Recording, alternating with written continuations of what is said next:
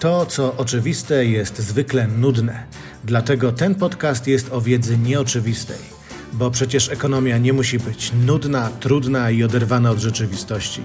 Bartłomiej Biga, zapraszam serdecznie na podcast o ekonomii zaskakującej, która jest piękna, interesująca i oczywiście nieoczywista.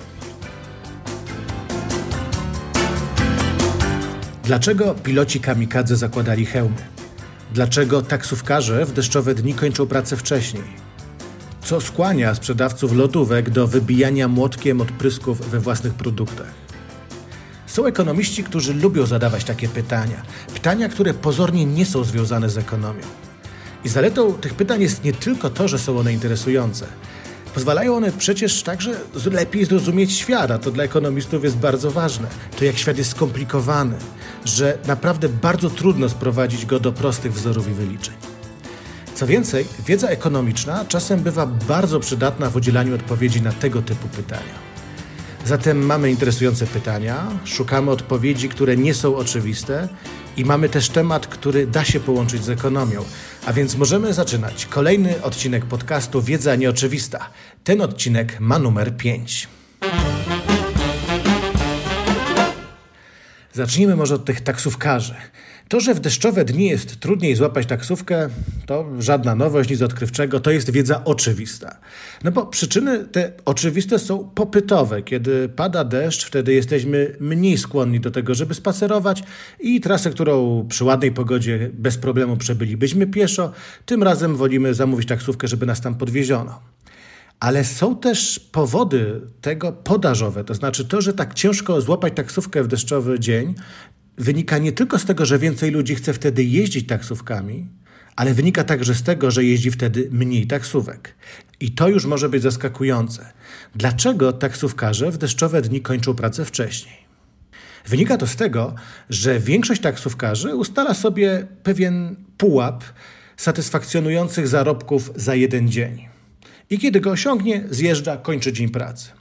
Zatem, jeżeli to jest na przykład 500 zł, to dopóki nie uzyska 500 zł przychodów, powiedzmy, e, w ciągu jednego dnia, to taksówkarz jeździ czasem nawet bardzo długo, wtedy kiedy popyt na jego usługi jest mniejszy. W deszczowy dzień ten popyt jest większy, więc taksówkarz ma bardzo mało pustych przejazdów, nie musi czekać na kolejne zlecenia, tylko cały czas e, jeździ z klientem. Więc te ustalone przykładowe 500 zł osiąga bardzo szybko i dzięki temu szybciej kończy pracę.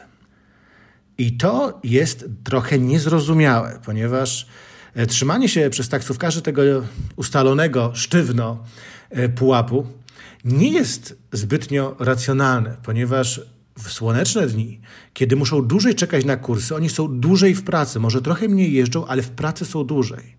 Natomiast lepiej byłoby mniej pracować w dni, kiedy jest ładna pogoda, a więcej wtedy, kiedy jest deszczowe, żeby na koniec miesiąca mieć tyle, ile założyliśmy, bo suma summarum mniej godzin wtedy spędzilibyśmy w pracy.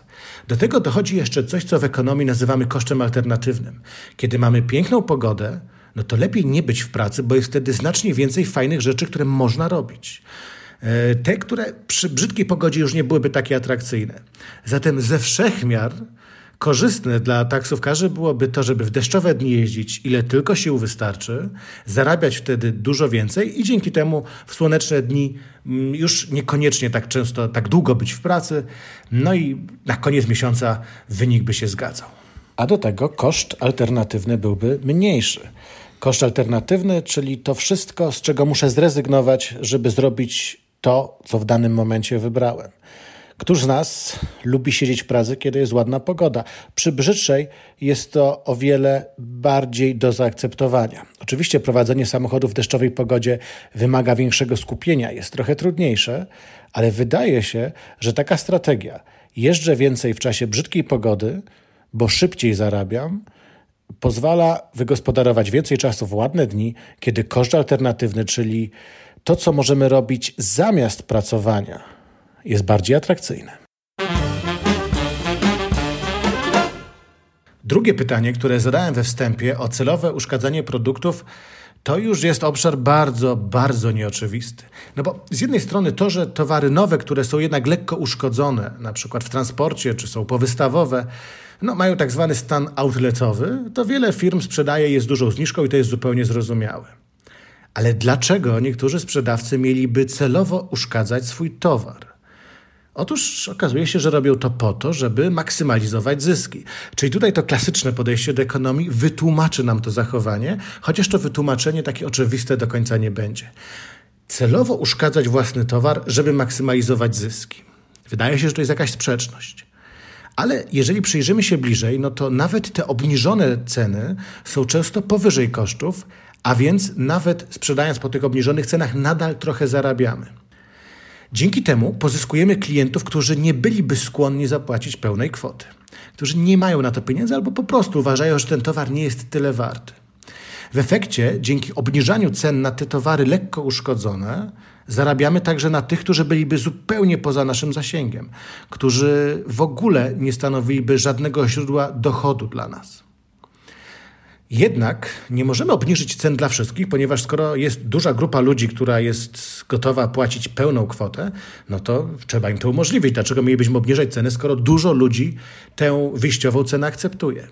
Natomiast gdybyśmy tak o robili promocje, yy, które nie wiązałyby się z tym, że towar jest jednak nie w 100% nowiutki i, i niezniszczony, no to wtedy ci oszczędni, których co prawda stać na pełną kwotę, i tak by poszukali możliwości i skorzystali z tej promocji. Natomiast sprzedając w znacznie obniżonej cenie tylko te produkty, które są lekko uszkodzone, tak naprawdę usatysfakcjonujemy wszystkich. Ci, którzy są wrażliwi cenowo, przymkną oko na małe wgniecenie, szczególnie jeżeli nie jest w bardzo rzucającym się w oczy miejscu. Natomiast ci, którzy kupują pełnowartościowy towar, ci bogatsi klienci, mówiąc w cudzysłowie, oni też nie czują się oszukani, bo tylko oni otrzymują pełnowartościowy towar. Oni wiedzą, że jest sprzedaż outletowa, ale też wiedzą, że są tam pewne niedogodności. Zatem dzięki temu zarzucamy tę sieć bardzo skutecznie i łapiemy tych, którzy zapłacą nam więcej, ale też nie wypuszczamy tych, którzy zapłacą nieco mniej.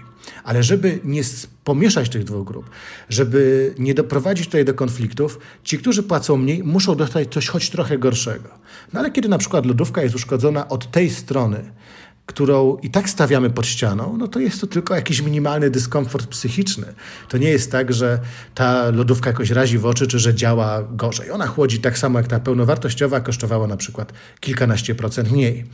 Więc y, taka strategia jest zupełnie zrozumiała. A teraz czas na główne pytanie, tytułowe pytanie tego odcinka. Jak to jest z tymi pilotami kamikadze i hełmami? Bo to wydaje się być zupełnie absurdalne. Ale jeżeli przyjrzymy się temu tematowi bardziej dokładnie, to już nie będzie to aż tak niezrozumiałe. Bo powodów tego, że piloci kamikadze zakładali hełmy, było przynajmniej kilka. Po pierwsze, czasem pilotom kamikadze zdarzało się wrócić ze swoich misji. No, pytanie, czy wtedy misja była udana. No, mówi się, że piloci kamikadze nie byli z definicji samobójcami, bo celem nie było to, żeby się zabić, tylko żeby zniszczyć jakieś kluczowe elementy infrastruktury wroga. Natomiast no, zwykle, żeby to było skuteczne, musiało się to wiązać z poświęceniem własnego życia. Natomiast zdarzali się piloci kamikaze, którzy po wykonaniu tej misji e, wracali i, i nie, ich życie jeszcze wtedy się nie kończyło. Więc z tego punktu widzenia, tak jak każdy pilot, e, potrzebowali hełmu. Drugi powód jest taki, że kiedy lecieli do realizacji swych nawet już załóżmy w 100% samobójczych zadań, to często wpadali w turbulencje, więc hełm po drodze był przydatny. Dzięki temu nieco mniej cierpieli w czasie takich turbulencji lecąc na tą misję i to znowu y, nie dokładano sobie cierpień tylko dlatego, że to już ostatnie cierpienia w życiu. Hełm po prostu amortyzował takie wstrząsy, takie uderzenia. I trzecia rzecz to duma. Hełm lotniczy to bardzo ważny element wizerunku pilota i pozbawianie tego elementu zmniejszałoby znacząco prestiż, a przez to być może także motywację do tego, żeby zasilać szeregi kamikadze. Zatem te trzy argumenty sprawiały, że ubieranie hełmów to nie był tylko jakiś nawyk, tylko to jest całkiem sensowne uzasadnienie. Podobnych pytań jest znacznie więcej w książce Roberta Franka zatytułowanej Dlaczego piloci kamikadze zakładali hełmy, czyli Ekonomia bez tajemnic. Tych pytań jest wiele, odpowiedzi są nieoczywiste, więc będziemy do tego tematu wracać w tym podcaście. Notatki do tego odcinka znajdziesz na mojej stronie internetowej bartlomiejbiga.pl przez 005, to piąty odcinek podcastu. Tam e, też znajdziesz streszczenie z najważniejszymi punktami, linki do polecanych, cytowanych materiałów, więcej informacji o podcaście, o innych moich działalnościach na bartlomiejbiga.pl. Zachęcam gorąco do tego, żeby odwiedzić, zasubskrybować, skomentować, polecić i przede wszystkim gorąco zapraszam na kolejne odcinki podcastu o tym, co w ekonomii najpiękniejsze. Do usłyszenia.